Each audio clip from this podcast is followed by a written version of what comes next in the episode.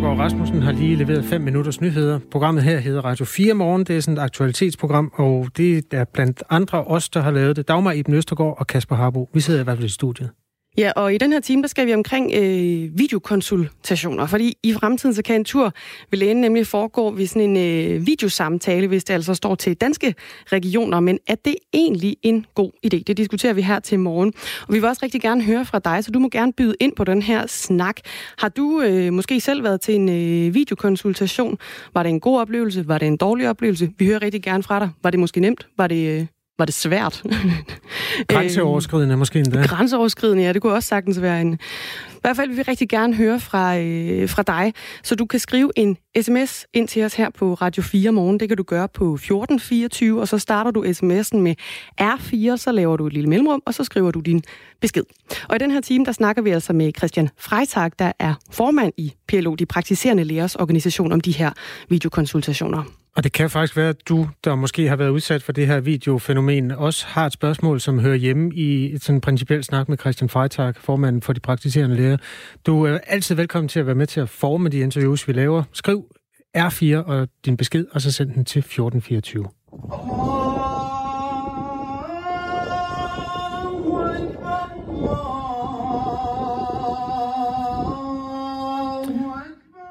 Det har det med at dele vandene, den slags her. Øhm, det var lyden fra en højtaler på en boldbane i Gellerup-parken i Aarhus, hvor fredens måske kaldte til bøn.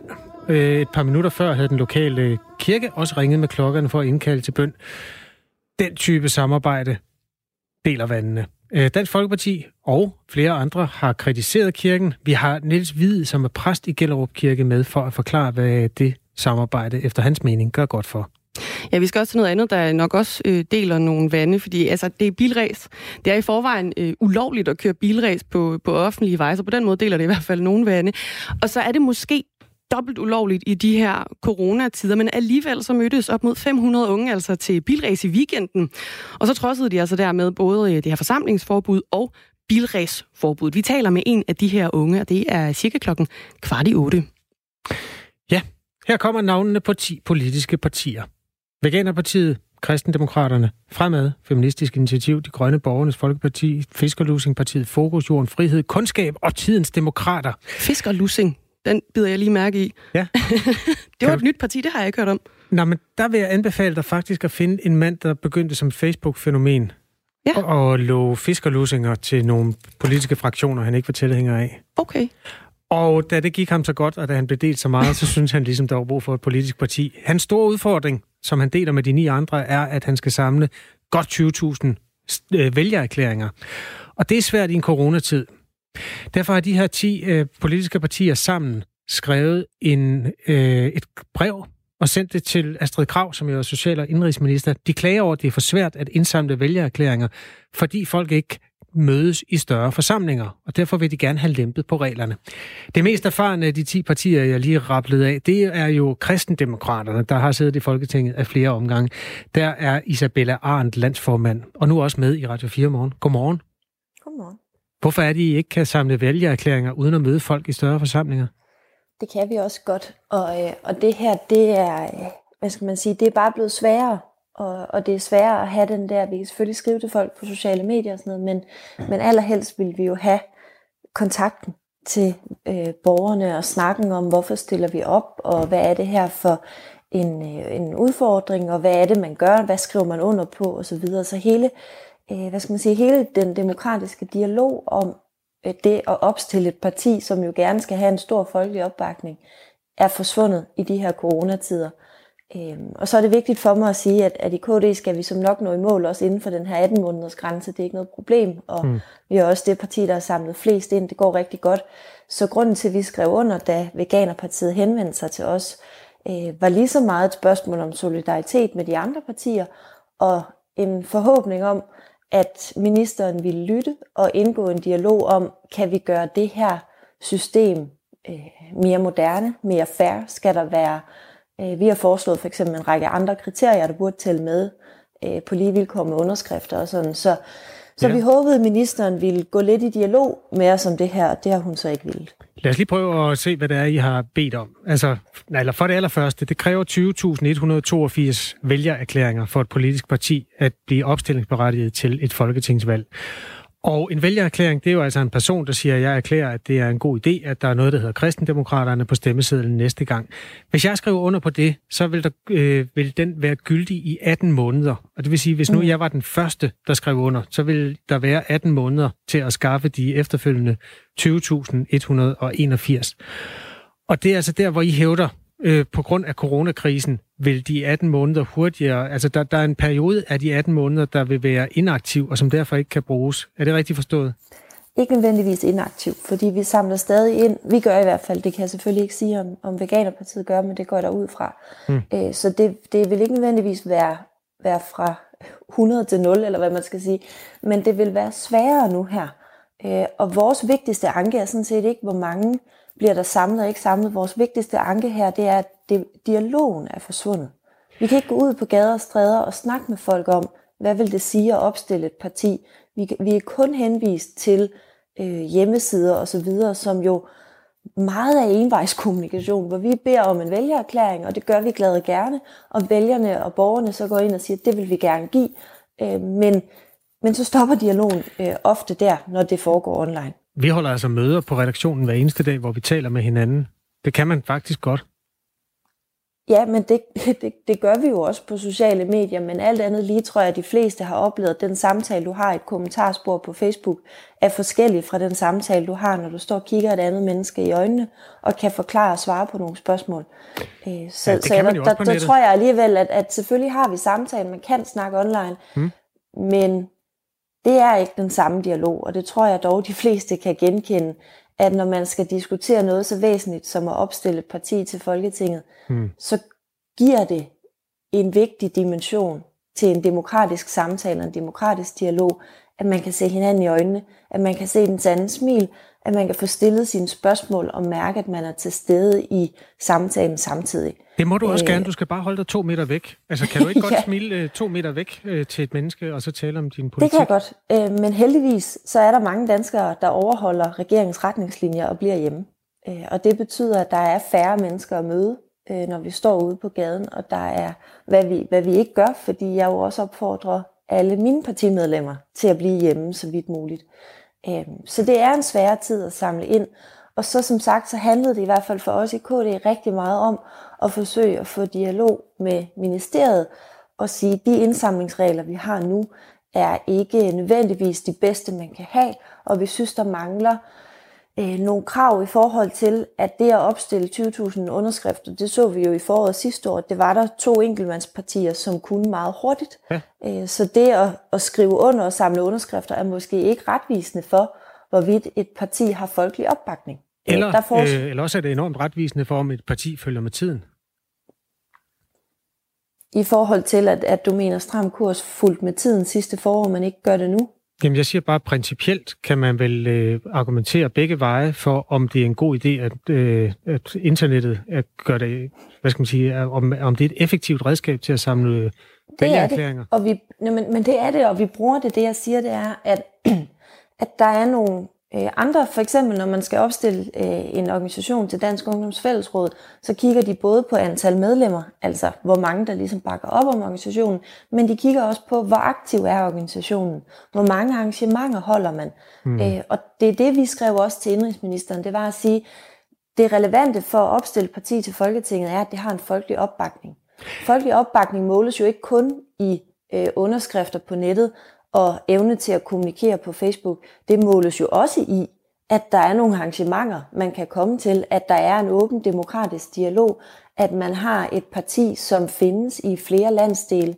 Øh, for vores vedkommende i hvert fald, så har vi 11 mandater i Danmark, og, og synes ligesom, at nogle af de her faktorer, det at vi har 11 mandater, at vi faktisk sidder på, på mandater, som folk har stemt på osv., mandater, vidner i hvert fald lige så meget om folkelig opbakning, som det, at man skriver under på nettet gør. Nå, jamen, vi lader lige mandaterne ligge, fordi vi skal nemlig... Jeg, jeg tager lige et skriftligt svar, som Berlingske har fået fra Social- og Indrigsministeren. Og hun skriver, at ministeriet kan se, at der er blevet afgivet tusindvis af vælgererklæringer, siden Danmark blev lukket ned.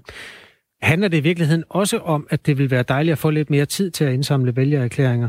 fordi man er i beknep i nogle af de her 10 partier?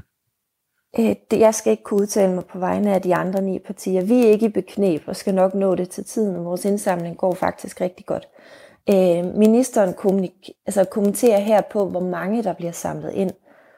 Og det er jo alt andet lige en anden dialog, end den jeg prøver at skabe, hvor jeg siger, at samtalen mangler. Kvalit- altså den demokratiske dialog om, hvad vil det sige at skrive under. Kan vi bare se, at når jeg møder folk ude på gaden, så stiller de spørgsmål og er nysgerrige, og vi står og snakker lidt. Når jeg samler ind online, selvom jeg forsøger at opfordre til spørgsmål og dialog, så er der færre, der skriver, og der er færre, der tager den her dialog med folk. Og det mangler, og det forholder ministeren sig slet ikke til, om det alene er et spørgsmål om øh, at samle 20.000 underskrifter, eller om det også er en demokratisk proces, mm. hvor det er væsentligt, at vi snakker med hinanden. Og samtalen har det rigtig svært i de her tider, hvor mange bliver hjemme. Det sagde Isabella Arndt, der er landsformand for Kristendemokraterne. Tak fordi du var med.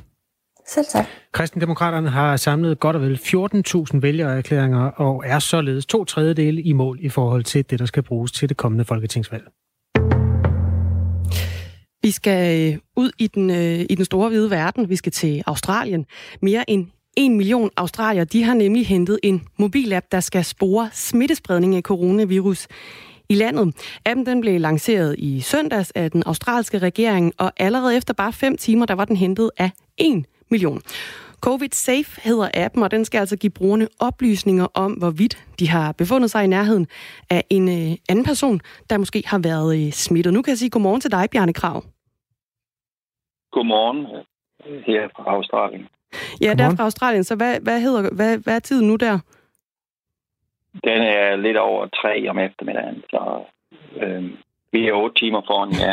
så sig... Og jeg kan fortælle, at øh, det, nummer, det nummer er nu øh, 2,5 million. Og øh, man er meget, meget glad ved det. Vi havde håbet på at få 1 million i løbet af de første fem dage, og det havde man allerede i løbet af den første dag, og nu er vi oppe på 2,5 millioner lige inden øh, i ringen. Og, og hvor mange så, er det nu lige, der bor i Australien i alt? Vi er, vi er øh, 22 millioner. Og øh, man vil gerne have, at vi kommer op på at have 10 millioner har øh, den her app, øh, for at det virkelig skal virke. Jan Krav, du, ja, du bor i uh, Australiens hovedstad Canberra. Klokken den er lidt over, lidt over tre om, uh, om eftermiddagen, så vi siger god eftermiddag til dig. Og du er altså en af dem, en af de her 2,5 millioner, uh, der har hentet den her nye australske corona-app. Vil du ikke lige prøve at gøre os klogere på, hvad det lige, den kan, den app? Så appen den kører på Bluetooth, så det vil sige, at øh, appen den ved, hvorhen jeg har været, og det er en af de ting, som øh, folk så er nervøs for, fordi den, den, den hele tiden holder øje med, hvor vi går hen. Men hvis det så viser sig, at en, som har appen, ender med at blive smittet, så gør det det meget nemmere for øh, at, at, at finde ud af, hvem har man været i kontakt med. Og man kan så lynhurtigt kontakte de mennesker, der er inden for den periode, hvad det gælder om, øh, har været tæt på den person, som har den øh, app på sig. Så det er en elektronisk måde at prøve at bekæmpe virusen på. Hvad tænker du om den her? Øh, ja, det er jo en overvågning sådan set af, af dig og din færden. Hvad tænker du om det? Jeg, jeg, jeg arbejder som fysioterapeut, og jeg, vi er stadigvæk åbne, og øh, jeg føler, at øh, jeg er nødt til at gøre det som, for ligesom at hjælpe, og også, også for at være altså, jeg synes, det er en god ting. Jeg synes, vi skal gøre alt, hvad vi overhovedet kan for at vinde over det her. Det koster menneskeliv. Og hvis, hvis der er nogen, der synes, det er interessant at finde ud af, hvor jeg har været henne, så må de gerne vide, hvor jeg har været henne. Ja. Øh, jeg er ikke så bange for det. Men der er mange australier, der er utrolig bange for det. Ja, det må man sige. Og, og, og hvorfor er Australier bange for sådan en app der? Vi er lidt mindre, hvis man kan sige det, øh, sådan øh, overvåget, end vi måske er vant til i Danmark. Vi har ikke noget personnummer. Men selvfølgelig sker det jo stadigvæk alt sammen det samme med, at overvågning sker via Facebook, og hvor du bruger dit credit card ind, og alle sådan nogle ting. Men folk er meget påpasselige om at, at, at blive overvåget og er nervøs for det, og man havde en afstemning om, at vi skulle have et personnummer, og det blev meget kraftigt nedstemt, for det vil man ikke have, fordi der er ikke den tillid til, at, at dataen ikke bliver misbrugt. Så der er ikke den tillid til det offentlige ansat, at det kan blive øh, holdt sikkert. Og på Men trods af samtidig den... er der også mange, der gør det. Ja. Ja, for jeg tænker, på trods af den her, øh, kan man sige, manglende tillid i forhold til, om, om dataen den bliver, den bliver misbrugt, så har, øh, 2,5 millioner australier stadigvæk valgt at downloade den her app. Hvordan kan det være, at de så er, er hoppet med på den alligevel, kan man sige? Jeg tror, det er fordi, at, øh, at vi er blevet bedt om at gøre det også for at, at, at kunne hurtigere komme ud af den isolation, som vi har, som er lidt mindre end, end I har haft, øh, men stadigvæk øh, altså meget det samme, som der er, gået, som der er sket i Danmark. Udover at øh, ting ligesom fysioterapeut er blevet øh, sagt var essential services, så vi er blevet åbne. Men har så lavet en masse ting for at undgå smittefare. Så alle vil gerne videre og frem, og vi har gjort det så godt i Australien, og de, de, de, de svinger ligesom den her gulerød foran os. Hvis vi kan gøre den her app, og så om to uger kan blive ved med at holde vores smitte nede, så ser det godt ud. Ikke? Og det er også noget nemmere i Australien end er i Danmark, fordi altså, vi er en ø. Og øh, i dag har vi haft, øh, jeg tror det er øh, lige 80, der er døde. Ikke? Det er jo ikke mange i, i, i, i forhold til, hvad der for eksempel er i, i andre lande. Så vi har klaret det rigtig godt. Ja, hvor, hvor, hvor mange dødsfald har I alt? Har du den på ryggraden?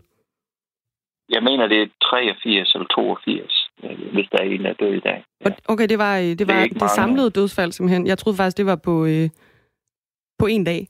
Men det er simpelthen i alt? Nej, det er i alt, ja. Og det er jo, det er jo meget lidt i for, med, for en population på over 20 millioner mennesker.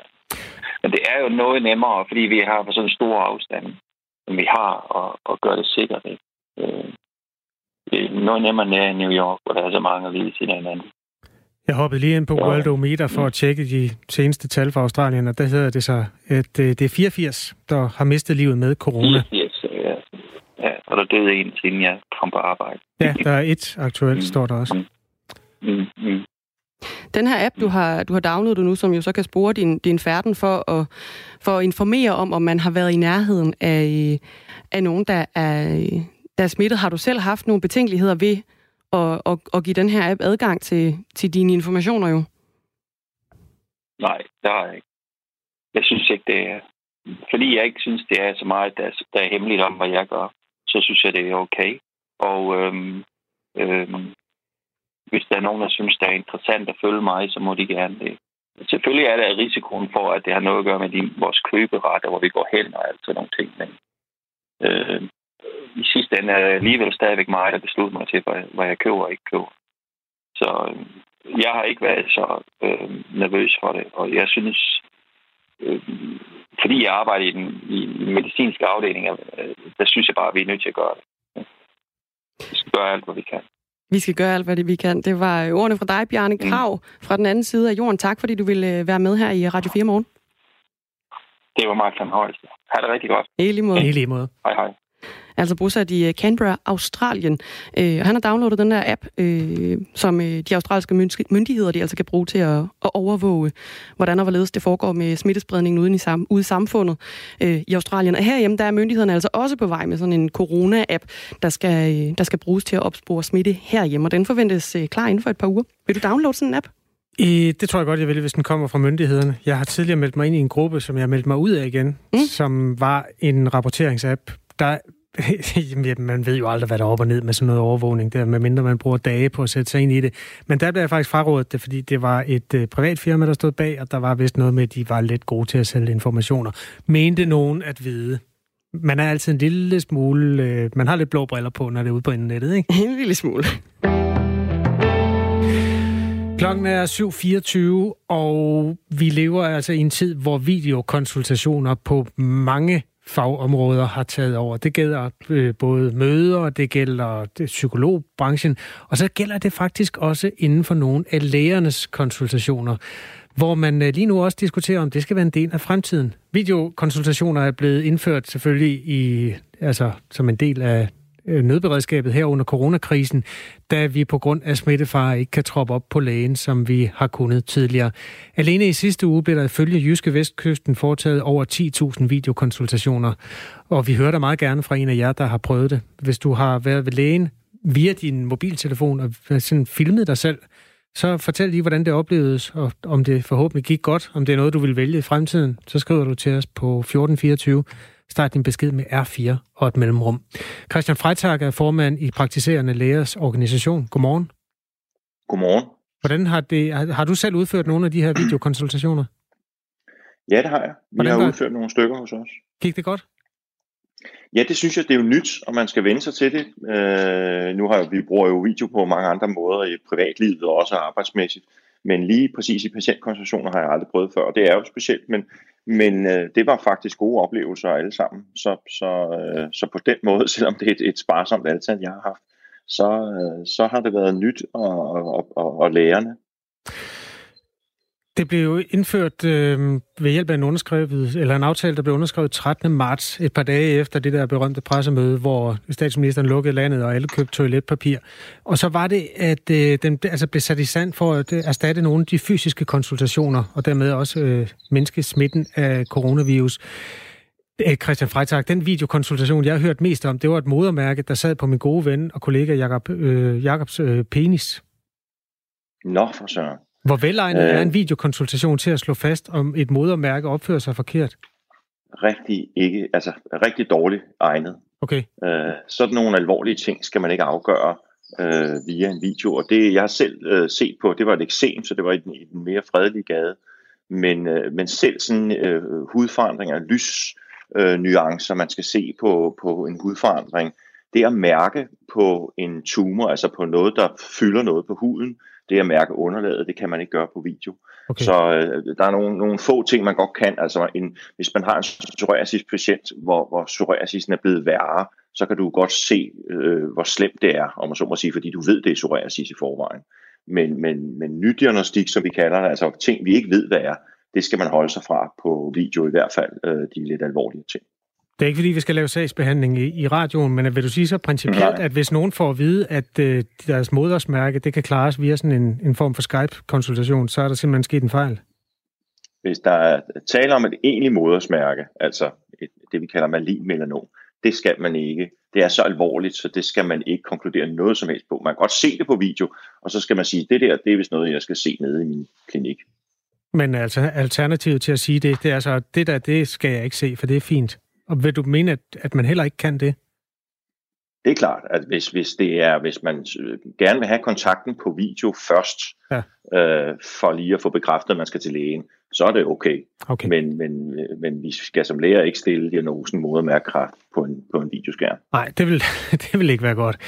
Øh, hvor mange lægebesøg i procent, tror du, Altså nu det er bare fuldstændig løst anslået, nu her, hvor du har prøvet det en måned. Hvor, hvor, hvor mange lægebesøg tror du, der vil kunne erstattes af en videokonsultation fremover?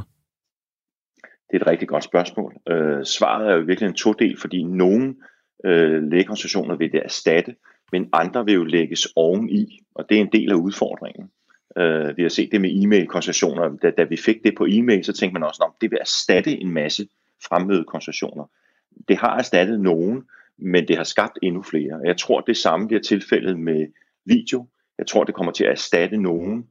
Øh, jeg tror ikke, vi er meget mere end, altså vi er nede i, vi er i hvert fald under 25 procent. Vi er måske nede omkring 5-10 procent. Det er rent gætteri. Mm. Øh, men, men det vil øge kontakten mellem læger og, og vores patienter, fordi det er en, en nem øh, tilgængelighed, for, især for patienten.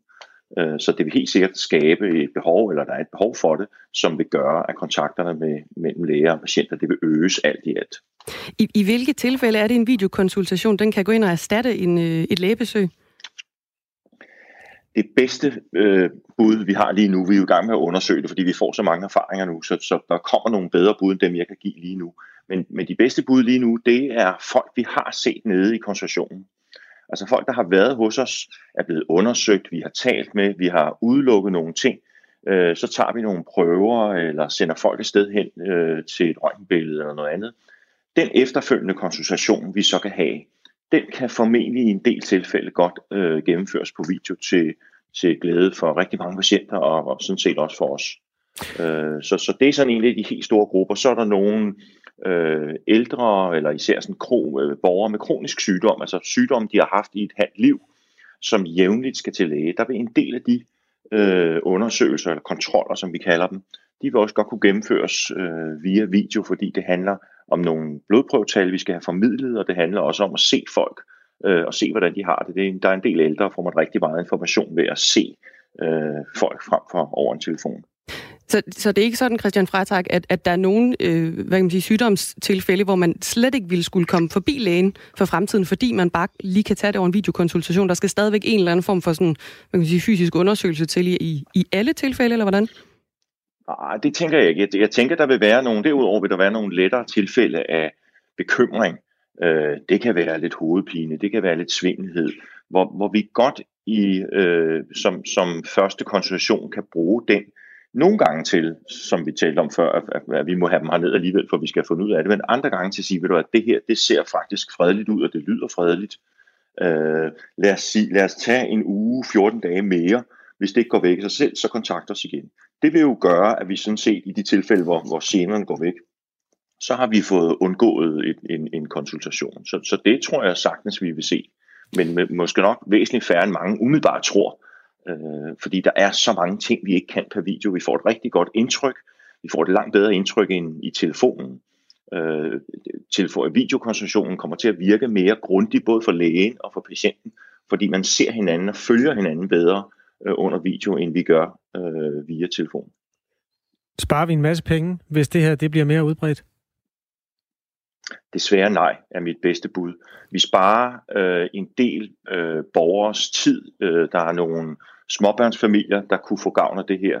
Der er nogle ældre, for hvem det er en, en, en vis belastning at, at, at tage afsted til lægen. Og lige nu er det for mange øh, ældre, især med kronisk sygdom, en, en, en voldsom psykisk belastning at komme til lægen, fordi der er rigtig mange, der jeg lige vil sige, låser sig inde. Så de har stor gavn af, og vi har stor gavn af at kunne komme i kontakt med dem på video. Øh, men nej, jeg, jeg tror, hvis vi gør det store regnestykke, hvis det skal gøres op i penge, mm. så vil det her være endnu et, et, et godt tilbud, der også vil koste øh, sundhedsvæsenet nogle penge. Men det kan være, at det også giver rigtig meget øh, borgertilfredshed øh, at få den mulighed. Okay. Christian Freitag, øh, du skal hen og fodre din zebrafænke, eller hvad det var, der og pev der i baggrunden. Øh, tak fordi du var med. Tak selv. Formand for Praktiserende Lægers Organisation, øh, Radio 4 Morgen, øh, har bragt os frem til kl. 7.32.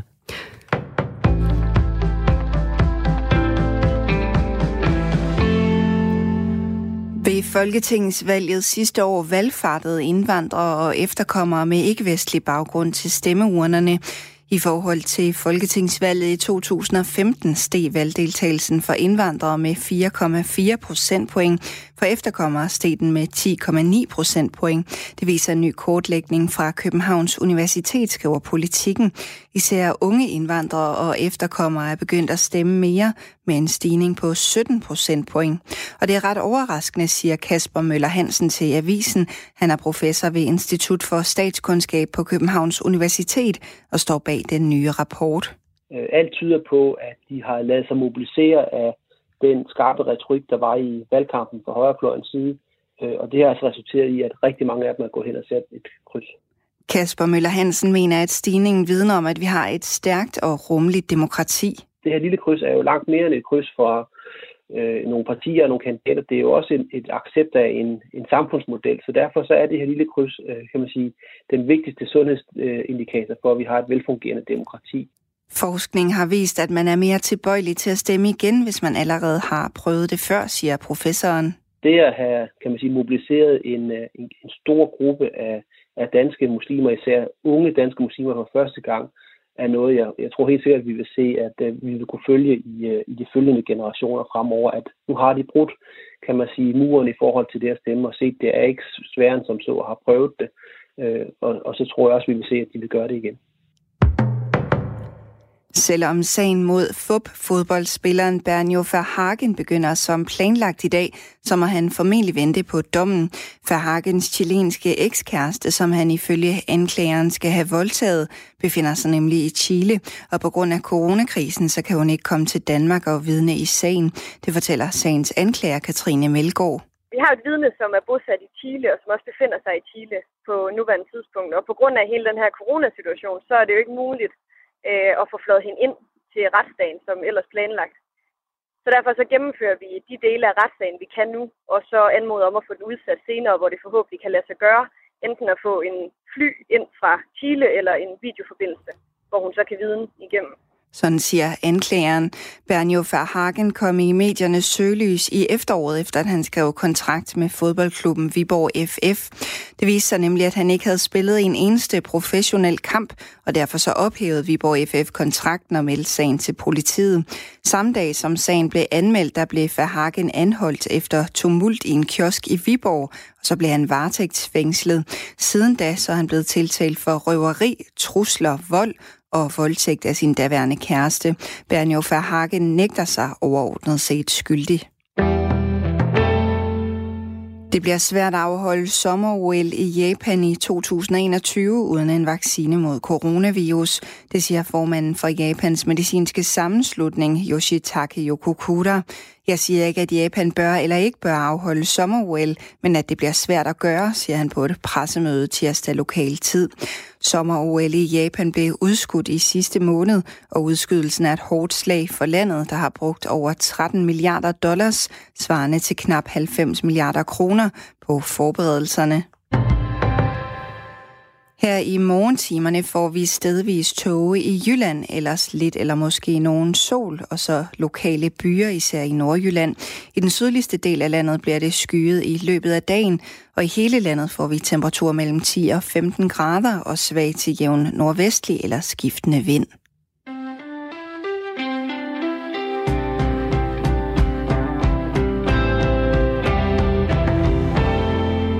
Det var Signe Ribergaard Rasmussen, som øh, gav os et, øh, et nyhedsoverblik. Klokken den er 7.36. Vi skal lige tale om en mand, der har gjort et opsigtsvækkende godt stykke arbejde, og som er charmerende. Done a remarkable good job, uh, and for me he's uh, he's, uh, he's charmful, yeah.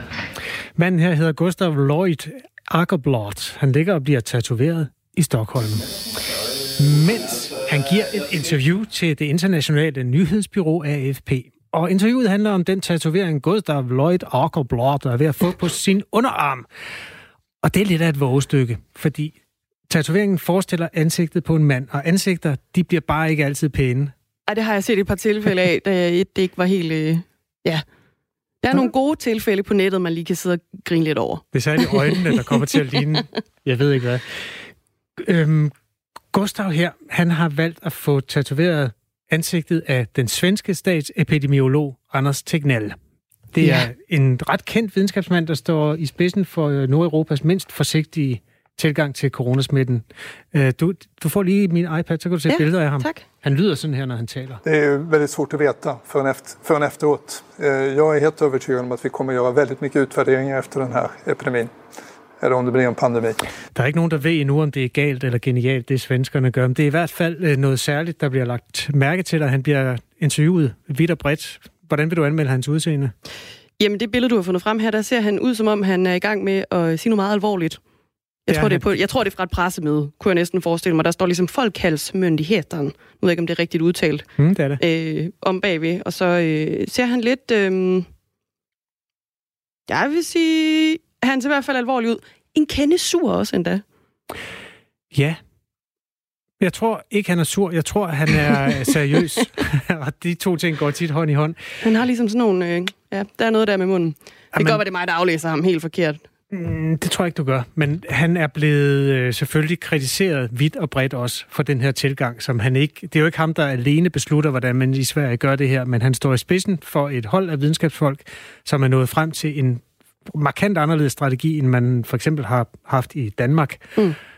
Og øh, altså dødstallene er jo lidt større i Sverige, men de er ikke ligesom i England, eller i Frankrig, eller i Spanien, hvor det er gået stukket af. Så på den Nej, måde... Er der, altså, der er sådan, øh, stadig en vis opbakning til den, den kurs her. Og frem for alt så er han modemand. Det, ja.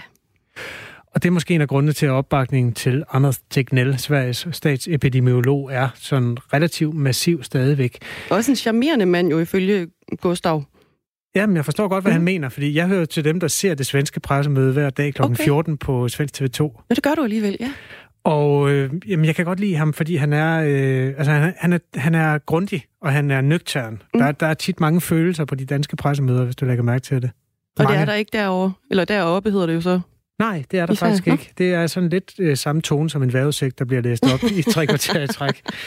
Øhm, Tatoveringssalongen, hvor Gustav her, han ligger i stolen i den video, vi lige hørte AFP lave for lidt siden. Um, det var dem, der fik ideen og efterlyste nogen, der ville lægge underarm til, og det vil Gustav altså af følgende grund. I like to have tattoos uh, that represent something for me, and I mean, this COVID 19 will be a part of my life, the rest of my life. So I want to have the Swedish face um, of the crisis on my arm. Yeah. Det, svenske... det er altså øh, det engagement i, øh, i covid-19-epidemien i Sverige, ja. vil jeg sige. Ja, engagement? Ja. Jamen, hvis krisen har et ansigt, så er det da meget smukt, at det, øh, det får et menneskeligt ansigt. Det er selvfølgelig rigtigt. Her er tatoveringen, så kan du lige øh, kigge på den og sige, hvad du ser. Krisen har fået ansigt på Gustavs overarm, er det? Og det er overarmen? Det er okay. overarmen, ja. Den sidder sådan ligesom midt på, midt på en overarm, sådan lidt, lidt, lidt foran på en eller anden måde. Hvordan vil du beskrive ansigtet? Er det faldet godt ud? Ja, jeg synes egentlig, det er, sådan, det er sådan relativt veludført i forhold til nogle af de andre. Det er faktisk i forhold til, hvordan Anders Tegnell ser ud, så er det faktisk et relativt pænt ansigt. Så er det sådan set, ja, det, ja, han har ligesom fået sine briller på, han har, der er skjorteflipper, sådan friseret hår over til den ene side. Mm. Ja, han ser lige, lige så alvorlig ud, som han gør på det billede, du viste mig lige før. Hvis en af vores lyttere på et tidspunkt har læst den tegneserie, der hedder Tintin i Amerika, så øh, en af de smuglere, som han møder i Chicago, sådan ser den tatovering ud. Alternativt kan du finde din yndlingssøgemaskine, og så skriv Technell Tattoo, så finder du helt sikkert også et billede af den. Øh, Dagmar, hvis du skulle have en mand tatoveret på din arm, hvem skulle det så være? Øj, altså jeg vil nok sige, det skulle i hvert fald ikke være Anders Tegnell. Men hvis man skulle lave den danske pendant, så skulle det jo være Søren Brostrøm, ikke? På overarm med ham. Så er ja, den nyklippede, den nyklippede version, ja. okay. 7.41 klokken.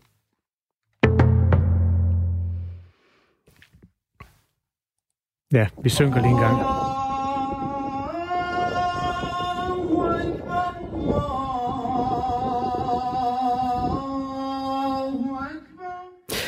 Sådan her lød det fra øh, højtalerne på en boldbane i Gellerup Parken i Aarhus. Det var i fredags, da Fredens måske kaldte til bøn. Moskeen havde inviteret den lokale kirke til at være med til at bede for coronakrisen. Så lige før bønnekaldet, der blev der ringet ekstraordinært med kirkeklokkerne for os at kalde øh, de kristne til, øh, til bøn. Og det samarbejde, det er altså blevet kraftigt kritiseret af blandt andet Dansk Folkeparti. Godmorgen, Niels Hvid. Godmorgen. Godmorgen. Du er præst i Gellerup Kirke. Ja. Hvorfor, øh, hvorfor sagde Gellerup Kirke ja til at samarbejde med Fredens Moské om at, om at kalde til bøn? Jamen, Gellerup Kirke har en lang tradition for at samarbejde med en lang række forskellige aktører i civilsamfundet. Øh, vi er ikke bare kirke inde bag de høje kirkemure, vi vil gerne være kirke ude i det lokalsamfund, som vi er, og bære med på det lokalsamfund, som vi er en del af. Og Fredens Moské, det er en af vores øh, gode samarbejdspartnere, så derfor var det naturligt for os. Vi blev glade for den henvendelse. Og vi mærker jo de samme konsekvenser af coronanedlukningen, som Fredens måske også mærker, nemlig at kristne kan ikke samles og fejre gudstjeneste, og muslimer kan ikke samles og, og holde bøn. Så, så for os var det øh, en naturlig ting. Vi tænker ikke, det er en fælles bøn, det er ikke en fælles religiøs handling, men muslimerne beder for sig selv på deres måde, og vi beder øh, hjemme hos os selv på vores måde. Det synes vi sagtens, vi kan. Er det, er det i den kristne kirkes ånd, kan man sige, at, at, at samarbejde med en, med en anden religion, som for eksempel islam i det her tilfælde? Jamen altså, jeg ved jo godt, at der er forskellige holdninger til, øh, også inden for folkekirken, hvordan vi skal forholde os til de naboer, øh, som bor lige ved siden af os, og som ikke deler vores tro. Og i Gellerup Kirke, der er vi helt tydelige på, at vi mener, at dialog, det er den eneste, det er det eneste alternativ. Der er ikke noget alternativ til at være i dialogen og have samtalen. 13.10 i fredags, der ringede Gellerup Kirke, altså din kirke med klokkerne, som en opfordring til, til bøn klokken 13.18, der kaldte Fredens måske så til bøn, og det var fra den her før omtalte højtaler på en fodboldbane i Gellerup Parken. Og der var altså ikke øh, nogen, der fysisk var samlet, og temaet for bønden, det var den her coronapandemi. Vi skal lige høre, hvad Marie Krav, der er kirkeordfører fra Dansk Folkeparti, hun siger, hun er nemlig rasende over, at Gældrup Gellerup Kirke har medvirket til det her arrangement. Det er en øh, accept af Allah, som ikke er okay, når man er kristen, og som ikke er okay. Øh, vi skal ikke gå i religionskrig, men vi kan ikke, altså, vi kan ikke respektere en, øh, eller vi kan ikke selv tro på og give plads øh, i en kristen kirke eller med kristne kirkeklokker til en, en tro på øh, noget så djævelsk og så forkert som Allah. Det er simpelthen forkert. Men hvad er det lige, der sker ved, at man, øh, man ringer nogle bedeslag med kirkeklokkerne? Jamen, der skal ikke kaldes til bøn i en dansk bydel. Der skal ikke kaldes til, bøn i, øh, til muslimsk bøn i Danmark. Øh, det mener jeg simpelthen fuldstændig forkert. Så det er rasende over. Øh, jeg er også vred, meget vred på den præst, der gør det her, og den biskop, der lader det passere. Det mener jeg, at burde være uacceptabelt. Danmark er et kristent land. Derfor ringer vi med kirkeklokkerne. Det kan godt være, at alle ikke er kristne, og det skal vi selvfølgelig acceptere, for der er religionsfrihed. Og folk skal selvfølgelig have lov til at være muslimer. Men de skal ikke have lov til at sætte sig på det offentlige rum, og på den måde beherske det offentlige lydrum. Niels Hvid, øh, præst i Gellerup Kirke, Marie Krav, hun er, hun er rasende, hun er vred. Øh, vil, vil du ikke lige prøve at sætte et, et par ord på, hvorfor mener du, det er en opgave for kirken at, at støtte et bønnekald for en moské på den her måde? Altså, jeg, jeg er uenig med Marie Krav i, at når vi har gjort det her, så er det en accept af det islamiske gudsbillede. Når vi er i dialog med vores dialogpartner, for eksempel Fredens Moské, så er det under forudsætning af, altså det, det er en, en øh, tillidsfuld dialog, hvor vi kan sige åbent og ærligt til hinanden, hvordan vi tror og tænker, og hvor vi også kan snakke om det svære, hvor vi kan være uenige. Og øh, det er rigtig, rigtig vigtigt for os gensidigt, både vores muslimske øh, dialogpartnere og os, at, at det kan foregå i den tone, hvor vi altså ikke, hvad skal man sige, taler, taler forskellene væk, men hvor vi netop kan være åbne og nysgerrige øh, på de forskelle, der er. Så, så øh, det er ikke en accept af det islamiske øh, gudsbillede, øh, men det er en accept af, at vi jo er mennesker på fælles menneskelige vilkår. Så når vores muslimske medborgere, de er dybt bekymrede, altså vi fik øh, første gang henvendelsen fra moskeen før påske, og hvor vi jo stadigvæk kiggede ind i coronakrisen og ikke vidste, om der ville komme en bræt stigning af dødsfald efter påske. Så vi var alle sammen meget bekymrede. Og det var vores muslimske medborgere også, og derfor altså det er jo en anerkendelse af, at vi går med de samme bekymringer. Det at bede, det er en dybt integreret praksis i såvel islam som i kristendommen. Og ja, vi beder på forskellige måder. Kristne har haft en århundrede lang tradition, næsten en tusind lang tradition, øh, med at at bede til den treenige Gud i Jesu Kristi navn. Og det er jo selvfølgelig det, vi gør, når vi som kristne beder. Muslimer beder på en anden måde, men vi deler altså de fælles menneskelige vilkår, vi deler de samme bekymringer, og derfor så kan vi faktisk også godt bede om de samme ting. Og det, som Fredens måske havde opfordret os til at bede om, det var, at øh, vores samfund måtte komme godt ud af den her krise, at vores kære ikke måtte miste livet, at, øh, ja, i det hele taget, at, at vi vil få vores øh, gode, normale hverdag tilbage igen. Mm. Den men, længsel, den kunne jeg jo godt dele. Ja, men I bærer jo for den samme ting, men man kan sige, I, I gør det lidt i, i, til hver sin, hver sin Gud. Der, der er også en Allah, og så er der den kristne Gud. Mm. Men, altså, men er det så jeres opgave, selvom I så godt nok beder for den samme ting, som du siger, er det så jeres opgave at, at støtte et bønnekald på den her måde, lige med kirkeklokker? Vi understøtter ikke et bønnekald. Vi opfordrer de kristne, som bor i Gellerup, øh, til at bede på deres måde, ligesom muslimerne, der bor i Gellerup, de beder på deres måde. Vi er en del af det samme danske, øh, samme danske samfund. Øh, vores børn, de går i øh, skole i de samme klasser, de sidder ved siden af hinanden ved skolebordene, øh, de går i de samme børneinstitutioner. Vi skal jo dele det her samfund med hinanden. Vi skal have gode, tillidsfulde relationer øh, der er præget af nysgerrighed og tillid. Det er vilkåret. I har fået øh, meget kritik på Facebook efter, øh, efter det her. Flere skriver, at de nu vil melde sig ud af folkekirken, fordi de ikke mener, at kirken skal samarbejde om bønnekald med en, øh, med en måske. Forstår du den, den kritik? Øh, nej, det gør jeg ikke, fordi Igen, jeg ser simpelthen ikke noget alternativ til dialog.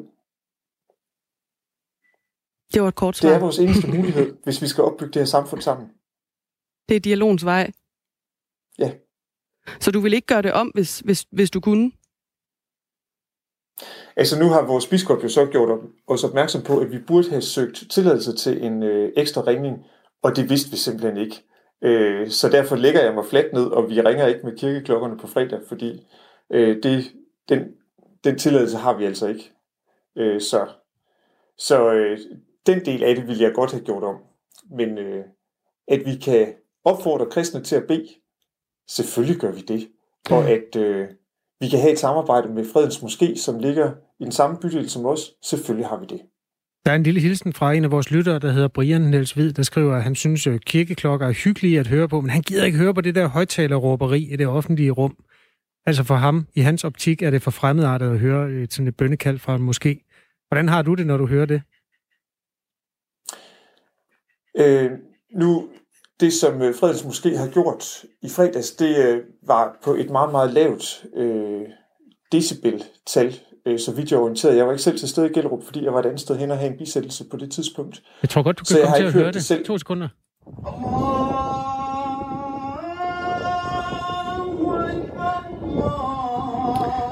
Sådan lød det. Ja, jeg ved ikke, hvor højt det var, men det var den øh, lyd. Ja.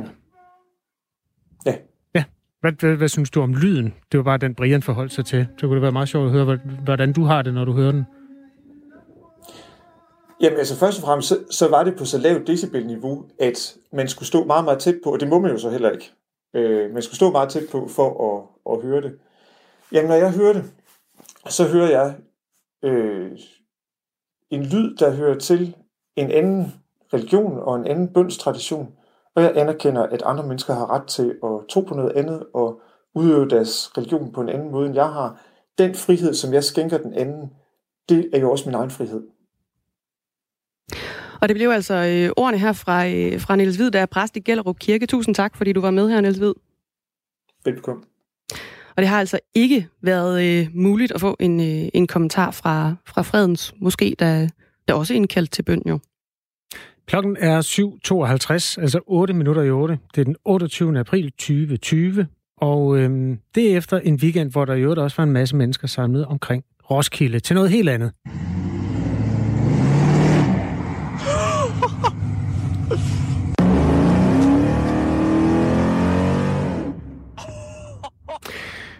De har lydet fra øh, den forgangne weekend. To 300 biler var samlet for enten at køre, eller fordi deres, øh, altså menneskerne i bilen skulle se på gaderæs, som blev kørt i nærheden af Roskilde.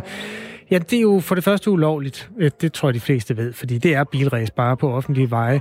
For det andet, så er det her med at mødes 200-300 biler fulde af mennesker, det bryder også med forsamlingsforbuddet, som regeringen har indført for at komme smittespredningen til livs. En af de unge mennesker, som var øh, til race i weekenden, er stået tidligt op. Han hedder Philip. Godmorgen, Philip. Godmorgen. Hvorfor var du til... Åh, du lyder lidt træt. Øh, hvorfor var du til race her i weekenden? Fordi uh, vi trængte til det, og vi savnede det. Og vi ville gerne ud og lufte bilerne. Og lufte os selv. Hvor tæt er man på andre mennesker, når man er til race? Mm, tættere end Sundhedsstyrelsens anvisninger i hvert fald. Okay. Hvor mange var I samlet i bilerne? Øh, den bil, jeg kørte i, der var vi fire. Så ja. fuldt pakket. 200-300 biler samlet et sted. Bare lige for at forstå konceptet med at køre race, altså er der nogen, der dirigerer trafikken? Hvem bestemmer, hvem der skal køre? Jamen, du, det er, du, kunne, du kunne køre, køre race, hvis du havde lyst til det. Så det er, det, det er lige meget, hvem der kører. Alle, alle kan køre. Der er plads til alle. Alle kan køre, så det, er der en, en lille gruppe af, jeg ved ikke, hvor mange mennesker I er, men øh, der er en lille gruppe, der står for det. Hvis nu jeg kom, altså for det første vil folk dø af grin, fordi jeg har en Peugeot 107, så øh, det, det... Jamen, det, det, det er lige meget. Nå, okay, fedt. Jeg dukker op der, øh, ene mand. Hvad, hvad sker der så? Altså, øh, I var i nærheden af Roskilde Lufthavn, som jeg forstår det. Bliver der, altså, er der nogen, der så dirigerer, hvem der skal køre, hvornår, eller kører man bare i en stor bunke? Altså, øh, de står selvfølgelig, øh, der er en, en startlinje, øh, og så kører folk op til den her startlinje, så kan det være, at der er nogen, der har aftalt race på vej derud, eller ind til træffet, eller øh, på forhånd, eller et eller andet. Og så kører de op til den her startlinje, og så siger han 3, 2, 1, og så kører de, og så ligger der en lyskejl nede på jorden, en 200-300 meter længere nede, 400 meter måske. Hmm. Øhm, og når de passerer den, så er venneren truffet, og så kører, kører de ned og holder noget bagved øh, et eller andet sted. Og så når har de walkie-talkie, når de så siger, nu kan I køre tilbage, så er der tilbagekørsel, og så kører de tilbage i køen igen til race, og så kører de nye frem til næste race, og sådan fortsætter det. Okay. Hvor, altså for det første, det er jo ulovligt det her. Hvordan reagerede politiet den aften? Jamen, øh, de kom rimelig hurtigt ud til de to første lokationer, vi ville køre på. Øh, og den tredje lokation der i, øh, i Roskilde, der, der øh, fik vi lov til at se i hvert fald en, en lille teams race, og så kom de, og så lukkede de meget hurtigt øh, begge veje ud derfra, og så, øh, ja, så blev alle bilerne tjekket. Næsten alle bilerne. Var der nogen, der fik bøder? Det ved jeg faktisk ikke. Okay. Philip, dig kender vi øh, her i Radio 4 morgen, fordi du en gang for, jeg tror det er et par måneder eller mere siden, der stod du frem og fortalte om din kærlighed til at køre rigtig stærkt. Det var sådan et langt interview, som ja. vi havde direkte i morgenradioen. Der kom mange reaktioner fra folk. Nogle var ja. mere opdragende, og nogle var nogen synes det var fedt, du stod frem. Jeg vil ikke kaste mig ud i at opdrage på dig i dag, fordi det lykkedes jo ikke sidste gang. Men øh, hvis vi skal forholde os til øh, covid-19-dimensionen ja. i det her, hvordan kan det være, at øh, I ikke har mere respekt for det, der foregår der? Altså, det, det er jo også farligt. Det har du helt ret i, og jeg må sgu være ærlig at sige, at, øh, at øh, da jeg fik at vide, at der var strid med det, øh, at jeg kunne komme ind og race, så øh, var jeg faktisk fuldstændig ligeglad med, med coronavirusen. Jeg ville bare ind og hygge mig og have det sjovt, fordi det har jeg, det har jeg sgu savnet. Og jeg brænder for, for striben, og jeg brænder for gaderæs, fordi det er så stor en del af mig. Så øh, ja. Har du overvejet, at det kan være med til at sprede smitten af corona, at man mødes så mange mennesker? Om ikke andet så efter weekenden er overstået. Altså tænkt over, at det kan gå ud over ældre mennesker, folk med udsat helbred, også i din familie? Ja, ja, det har jeg, men øh, ikke, øh, det er heller ikke kommet videre end en tanke. Okay. Øhm, ja, der ræser, er jo på kant med loven. Det ligger lidt i konceptet. Har I, har I ligget stille i, på grund af coronaen indtil nu? Ja. Hvor, hvor lang tid? Øh, der, jamen, der skulle, det skulle være startet op. Striben skulle være startet op 28. marts. Øh, men øh, de var nødt til at udskyde det, eller aflyse det, på grund af regeringstiltag. Mm. Øhm, hvordan forholder I jer til fremtiden? Ved du, om der kommer til at, at være fuld blus på igen nu, eller hvad er jeres planer? Mm, det ved jeg faktisk ikke, for de har ikke meldt mere ud.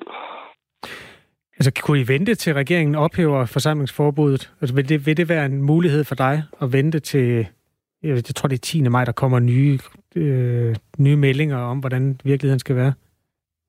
Jamen, det tror jeg faktisk ikke, nej. det lyder heller ikke sådan. Har du konkrete nej. planer? Hvornår skal du til race igen, Philip? Øh, når det er der. Okay. Når jeg har mulighed for det. Philip er altså øhm, vores kig ind i en branche, som er på kant med loven, og som udspiller sig i weekenden i nærheden af Roskilde. Hvad kunne egentlig få dig til, bare lige sidste spørgsmål, Philip, her, hvad kunne få dig til at tænke mere over corona? Jamen, det, det, det ved jeg faktisk ikke. Og lige når, når igen, når, når det kommer ind til, til gaderæsen der, så, så, det er, så elsker jeg at være derinde. Og jeg elsker at lugten af biler og brændstof og brændt gummi. Og det er, ja, det, det ved jeg ikke. Jeg tror ikke, der er noget, der ikke ændrer på det. De der tre andre, der var med i bilen, har du nogen som helst idé om, de har været en tur ned og fløjte en fløjte på en østrisk skibar? Altså gør du noget som helst for at passe på dig selv? Ja, ja, jeg husker da også på i dag at vaske hænder sådan der, de der 700 gange om dagen, man er blevet fortalt, at man skal gøre det. Okay. Dele, når, når I deles, deles I om de biler, der I kører race i, altså du ved, sidder skiftevis bag rattet, husker I så lige at spritte rattet af også? Jamen, det, altså, de, dem jeg kører med, der er de som regel øh, meget mere øh, påpasselige med, hvem de låner deres biler ud til. Jeg er sådan lidt mere large, hvis der er min bil, men mine kammerater og så videre, de er meget påpasselige med, hvem der kører deres biler, så det får jeg, vi andre ikke lov til. Philip, tak fordi du igen vil øh, åbne lidt øh, ind til den verden der af ræs. Jamen, det var der så lidt. Pas godt på dig selv. I lige måde. Tak skal du have. Ja, øh, husk at du er velkommen til at byde ind med det, du har lyst til at skrive. Jeg ved ikke, Lars han skriver, de skulle fandme have en røvfuld. Øh, det er også et synspunkt. Jeg ved ikke helt, om det er, om det er lovligt at, at slå på folk, men det er selvfølgelig heller ikke lovligt at køre race, og det er heller ikke lovligt at forsamles øh, 200-300 biler fulde af unge mænd. Det er til gengæld lovligt at øh, få en øh, omgang nyheder, fordi de kommer øh, nemlig her.